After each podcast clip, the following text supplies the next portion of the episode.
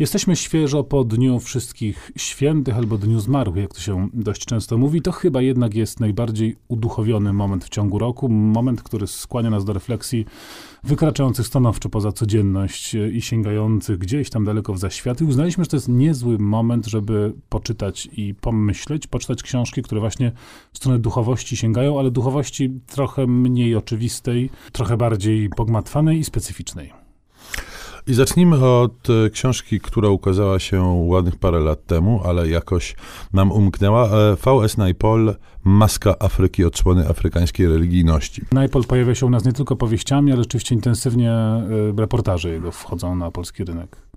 Tak, to jest świetna, e, świetna książka, bardzo, bardzo mm, ciekawa. Rzeczywiście o afrykańskiej religijności, która jest w takim trochę mm, stadium teraz, jak nasza religijność była w okolicach chrztu, to znaczy meczety, które tam się pojawiają, kościoły chrześcijańskie, które się tam pojawiają i szyldiki zielonoświątkowców, które kwitną na każdym e, rogu, przytłaczają trochę to, co było dla Afryki e, religijnością, duchowością pierwotną. Najpol to wszystko śledzi śledzi e, o własnych e, siłach, które jako, że jest już starszym panem, są ograniczone i ta jego obecność e, w książce jest bardzo momentami zabawna, bo on jest takim trochę narzekającym, mm, wściekającym się na niedziałające sejfy w hotelach, czy na to, że musi zapłacić przewodnikowi więcej niż się umawiał, takim zgryźliwym starszym dziadkiem, który po tej Afryce się pęta. Natomiast to, co on obserwuje, jest wstrząsające i przerażające. Trudno, nie trudno, to jest niemożliwe, o czym on wielokrotnie pisze.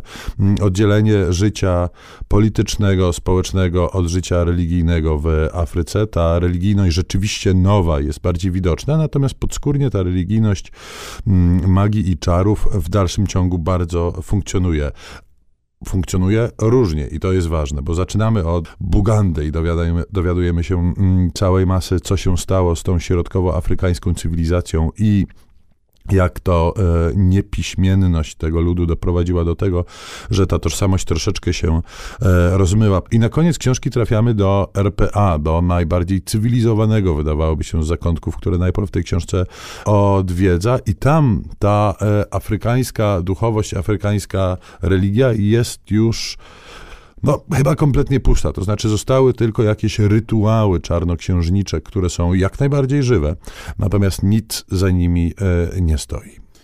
Ale egzotyczna jeszcze bardziej jest druga książka na naszej dziwnie uduchowionej, czy inaczej uduchowionej liście, mianowicie najnowsza powieść Michela Fabera pod tytułem Księga Dziwnych Nowych Rzeczy. Faber jest u nas autorem znanym i cenionym. E, książka ta ukazała się ledwie co i jej tytuł jest znaczący, bo tak Biblię nazywają kosmici, e, obcy, którzy są przedmiotem teologicznych e, działań. No tak, bo tam niesiemy bohatera. Słowo Boże w kosmos. Słowo Boże idzie w kosmos. To nie jest książka tylko o kosmosie, bo tam bardzo ważnym wątkiem jest kwestia relacji Petera, tego kaznodziei, który leci na oazę, daleką planetę właśnie po to, żeby znieść Słowo Boże i jego żony, która zostaje E, zostaje na Ziemi. To rzeczywiście jest jakimś takim głównym, e, głównym tematem chyba tej książki. Natomiast e, relacje z kosmitami, czyli przekazywanie Słowa Bożego, religii ściśle ziemskiej w kosmos jest czymś, co jakby nasyca tę książkę w całości. Mnie natychmiast to się skojarzyło z Lemem oczywiście, bo Lem w jednej ze swoich znaczy nie swoich, tylko Iona Tichego Podróży Gwiezdnych pisał e, o tym właśnie, jak to pewien kaznodzieja nawracał kosmitów z takim skutkiem, że oni z miłości do niego zafundowali mu wszystkie te rzeczy, które fundowano męczennikom po to, żeby zapewnić mu zbawienie. I to jest e, tego rodzaju, no tylko, że nie tak humorystyczna, refleksja nad e, zderzaniem się różnych e, e, wartości, z, znaczy wartości ziemskich z zupełnie innymi realiami. To w ogóle się trochę wpisuje w taką, taki chyba renesans zainteresowania kosmosem. Do wypraw kosmicznych i do duchowości oczywiście wrócimy jeszcze po przerwie.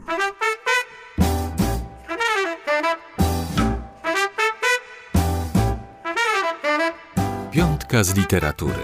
Polecają Szymon Gloszka i Tomasz Pindel z Instytutu Książki. Rozmawiamy o książkach traktujących o duchowości, ale w sposób specyficzny. Czas teraz na, na duchowość kosmiczno-chemiczną?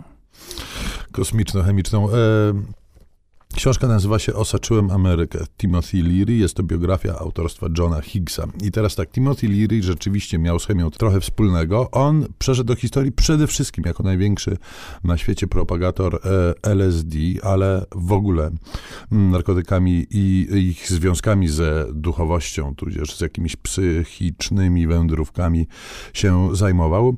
Mm, to nawet miało swoje instytucjonalne wcielenia, bo Leary był założycielem kościoła. Kościołów wokół wokół niego powstało całkiem sporo, bo on namawiał do tego, żeby właśnie każdy tworzył swój jak najchętniej, jednocześnie nie odżegnując się od e, swojego wyznania, to jest od katolicyzmu i od buddyzmu i hinduizmu, których też liznął, więc był to taki trochę duchowy miszmasz. Natomiast pamiętajmy, że była to osoba niezwykle wpływowa, na tyle wpływowa, że prezydent Richard Nixon e, uznał go za wroga publicznego numer jeden, gdyż rzeczywiście za jego sprawą cała masa Amerykanów najpierw, a później ludzi na całym świecie sięgnęło po e, LSD. Pytanie, czy psychodeliki są najlepszym, e, e, najlepszym sposobem na rozwój duchowości? No, Liry, Liry, Liry twierdził, że tak, że tutaj od ładnych paru tysięcy zajmujemy się duchowością w sposób analogowy, a on nam daje bardzo poręczną drogę na skróty.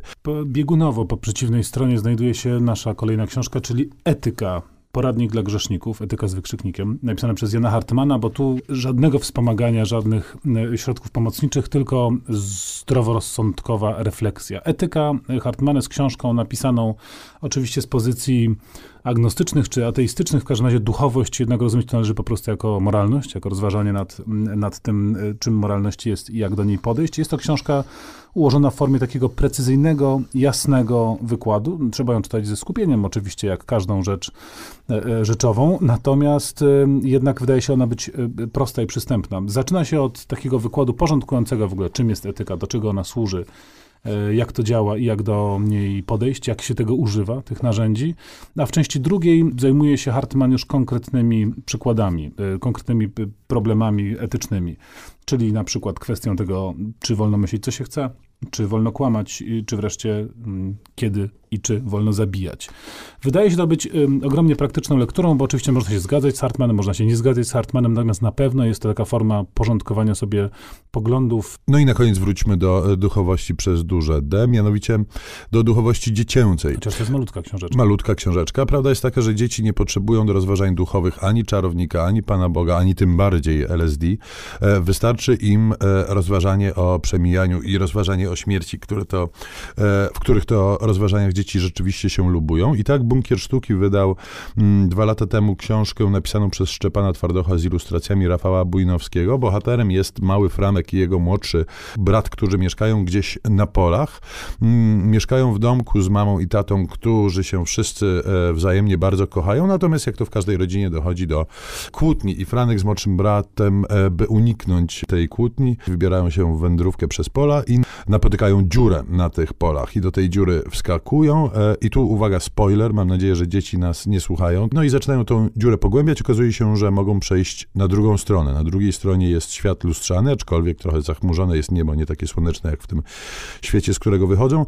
Trafiają też do domu, do ich domu, który jest opuszczony, gnijący trochę, butwiejący powolutku i okazuje się chwilę później, że dwójka naszych głównych bohaterów to już nie mm, urocze małe dzieci, a staruszkowie na końcu swojej e, drogi. Książka się kończy taką niejasną sytuacją, gdzie jeden brat szepcze do drugiego wracajmy do dziury, a drugi tak mówi tak musimy wracać. Tak naprawdę nie wiemy, czy mm, on potwierdza to, że musimy wracać do dziury, czyli znowu do dzieciństwa, czy wracać do właśnie życia prowadzonego już przez zgrzybiałych e, starszych e, panów. To rzeczywiście dość mocna, refleksyjna rzecz o przemijaniu.